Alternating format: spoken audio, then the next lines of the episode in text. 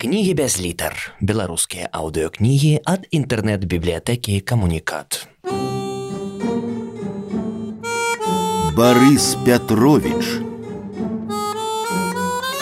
Наіўны дэтэктыў Гісторыя аднаго забойства Дзяўчаты жылі ў Антосе ўжо трэці тыдзень, усё шукалі іншае жыллё і не знаходзілі. Сыходзілі рана, вярталіся позна, свае музычныя інструменты бралі з сабой і прыносілі назад, але ў кватэры ні разу не зайгралі. Антосю цікава было заўважаць, як нібыта непрыкметна, але наіўна наіўна Эля і Жана пачалі абходжваць яго. Яны не ведалі, што ён стрэляны верабей, колькі ў яго ўжо было такіх, як яны да іх, сябровак блін. Хлопец з кватэрай у цэнтры Менску не кожны дзень і не кожнай сустракаецца, а грамадзянскі шлюб вялікая сіла, немалая практыка, добрая ўрэшце рэшт прыдумка і школа. Антось глядзеў на гэтыя іхнія зноў жа наіўныя заляцанні крыху зларадна, як сыты кот глядзіць на глубоў, што знайшлі кавалак батона і думаюць, што з ім рабіць. Адначасова быў і тым катом і тым батонам. Антон Батон, посміхнуўся ён сам сабе. Так часам у школе рыфмавалі ягонае імя. Нічога ў вас, дзяўчаткі, не атрымаецца, ні па вас кавалак, не дамся, дарэмна вы на гэта разлічваеце. Мажліва, ён памыляўся, і ў дзяўчаты блізка не было нейкіх думак і намераў наконт яго. Просто ці варта показывать свой характар, тым болей канфліктаваць, сварыцца хай і з часовым сваім гаспадаром, з чалавекам, ад якога ты залежаш. Ну а быць крыху ласкавее з ім, уважлівей, спагадлівей, чаму б і не. Тым ранкам Эля зайшла без стуку у Антосе ў пакой, чаго раней не рабіла. Ён ужо не спаў, але яшчэ ляжаў у ложку. Ну ты спіш, сказала яна, подняла простыню і прысела на край ложка. Антось падхапіўся і сеў, прыкрываючыся коўдрай. Яшчэ чаго не хапала. Эля усміхнулася. Я прыгатавала каву, будзеш піць. Зараз толькі ачомаюся трохі. Эля выйшла. З дзяўчатамі ў Антося было шмат сумесных вечароў, чаяпіццяў, калі так можна назваць, бо насамрэч пілі яны каву. Але то вечарамі, а ранкам яны разбягаліся кожны па сваіх справах у розны час. Дзяўчатам Антось даў ключы ад кватэры, і яны маглі сыходзіць і прыходзіць калі заўгодна. Антось выйшаў папіць кавы з гатаванай эляй. Яна была на варыўні адна, і ў кватэры таксама Жана, відаць, пайшла па нейкіх сваіх музычных справах. Шчыра сказаць, Эля яму падабалася больш, мо таму, што была, як падавалася, шчырай і адкрытай, разгаворлівай не замыкалася ў сабе, Антось прыгадаў размову дзяўчат у трамваі і вырашыў распытаць у Элі, каго яны называлі Іванам, бо толькі гэтая асоба ці гэтае імя яшчэ заставалася таямніцай. Няўжо і сапраўды толіка. Антось яго для сябе, паводле ягоных выхадак, таксама назваў бы Іванам, гэтакім мясцовым іванам дурачком з рускіх народных казак. Не, ну няхай не дурачком, а прасцячком будзе дакладней, але якраз таму можа і згадаў толіка адразу тады, калі пачуў іхнюю размову пра нейкага Івана.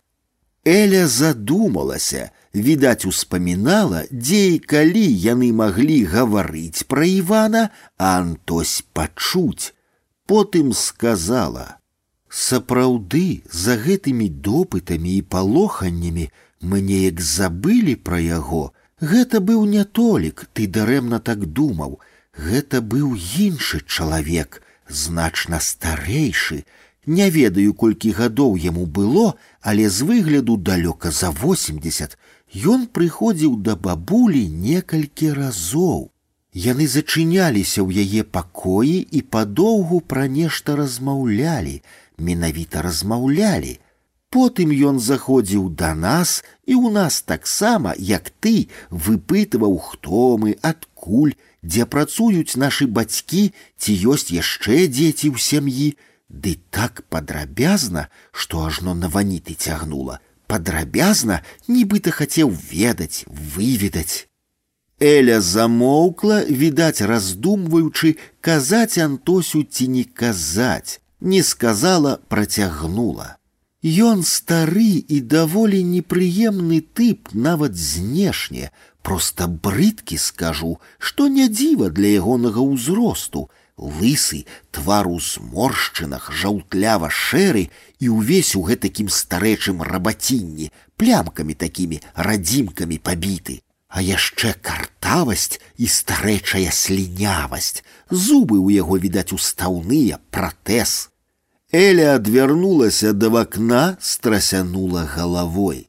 Прабач, успамінаць непрыемна. У той вечар ён павінен быў прыйсці да бабулі. Мы чулі, як яна дамаўлялася з ім па тэлефоне, з ім, бо называла па імені Іван. Але ці прыходзіў ён, Не ведаю, хутчэй за ўсё не, бо ён ніколі не прыходзіў рана ці ў дзень. Звычайна гадзіна ў сем вечара, а то і ў восем, калі мы ўжо былі дома. Мы думалі, што бабуля яго зусім не цікавіць, і ён прыходзіць да нас. Мы ўжо казалі табе, з якой умовай пасяліліся ў браніславаўны. Эля крыва пасміхнулася і кіўнула галавой. Так, не буду пра гэта. Яна перад засяленнем размаўляла з намі пра тое, намякала і потым, што пара маўляў, а калі з'явіўся гэты стары, перастала і скажу так: час ішоў, а кліенты да нас не прыходзілі.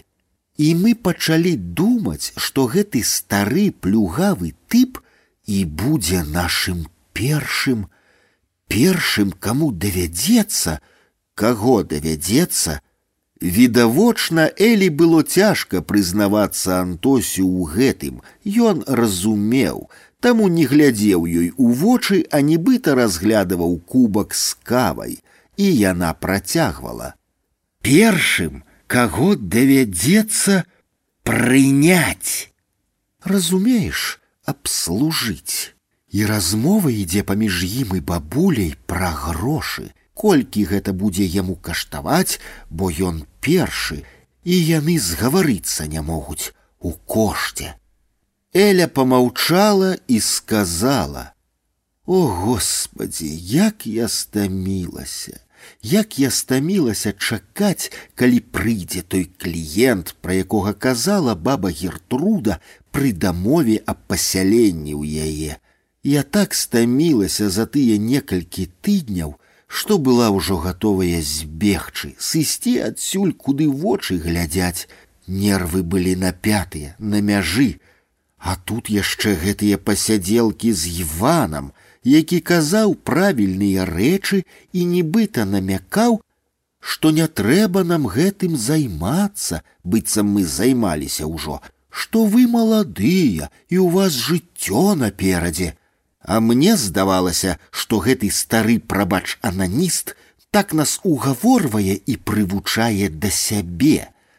Думаю, што ён прыходзіў і ў той вечар, калі бабулі не стала. Як звычайна, зноў позна, пасля нас гадзіну восем, але ўбачыў, што ў пад'ездзе міліцыя і не зайшоў. Во спытаў дык спытаў падумаў Антось. Ён быў уражаны шчырасцю Элі абсалютна нечаканай, магла б так падрабязна і не распісваць тыя сустрэчы з Іванам. Чаму яна раптам даверылася яму, не мог зразумець, Дзяўчаты яны такія, часта непрадказальныя. Мажліва, яна нейкім чынам адчула ягоную сімпатыю да яе, расказала все так, што ў яго пытанняў да яе не было. І Івана Антось таксама, як і яна, адкінуў з падазроных. Што пра яго гаварыць, калі хлопцы ўжо прызналіся і хутка ці не хутка, але будзе суд. Іван Іванам, а навошта быць такой шчырай у падрабязнасцях. Антось жа спытаў яе толькі пра яго. Сказала б, што не памятае, пра што яны там размаўлялі ў трамваі і не ведае нічога, ці пагадзілася, што гэта толік і больш пытанняў не было б, Антось паверыў бы. Здаецца, дзень быў суботні, і Антось нікуды не спяшаў, нікуды не збіраўся ісці. Яны пілі каву, гутарылі і як сталася так, што ў той кававы ранак Антось з зэлей апынуліся ў ложку, ён абсалютна не памятае. Шчыра не памятае, бо не жадаў ён таго і блізка. На яго нібыта найшло нейкае зацьменне, калі ўбачыў, як з-пад расшпіленага халаціка выбліснула калена Элі, і нага агалілася далей. А затым Эля, пацягнуўшыся да печыва, няўзнак дакранулася да яго сваімі грудзямі, як дыхнуў на яго яе гарачы пах, усё гэта адбылося ў нейкім туманным мроеве, ачмурэнні, імгненным і неспланаваным. Прынамсі антосем, хоць у яго таксама даўно ўжо не было дзяўчыны, больш за месяц. Калі яны былі ў ложку, дзверы раптам расчыніліся і да іх зайшла жана. Аказваецца, нікуды яна не з'ехала, а была ў суседнім пакоі. Два раўно тры паспеў яшчэ падумаць Антось. Вось як яно насамрэч. А потым яны заснулі, заснулі пасярод белага дня, як дзеці ў дзіцячым садку.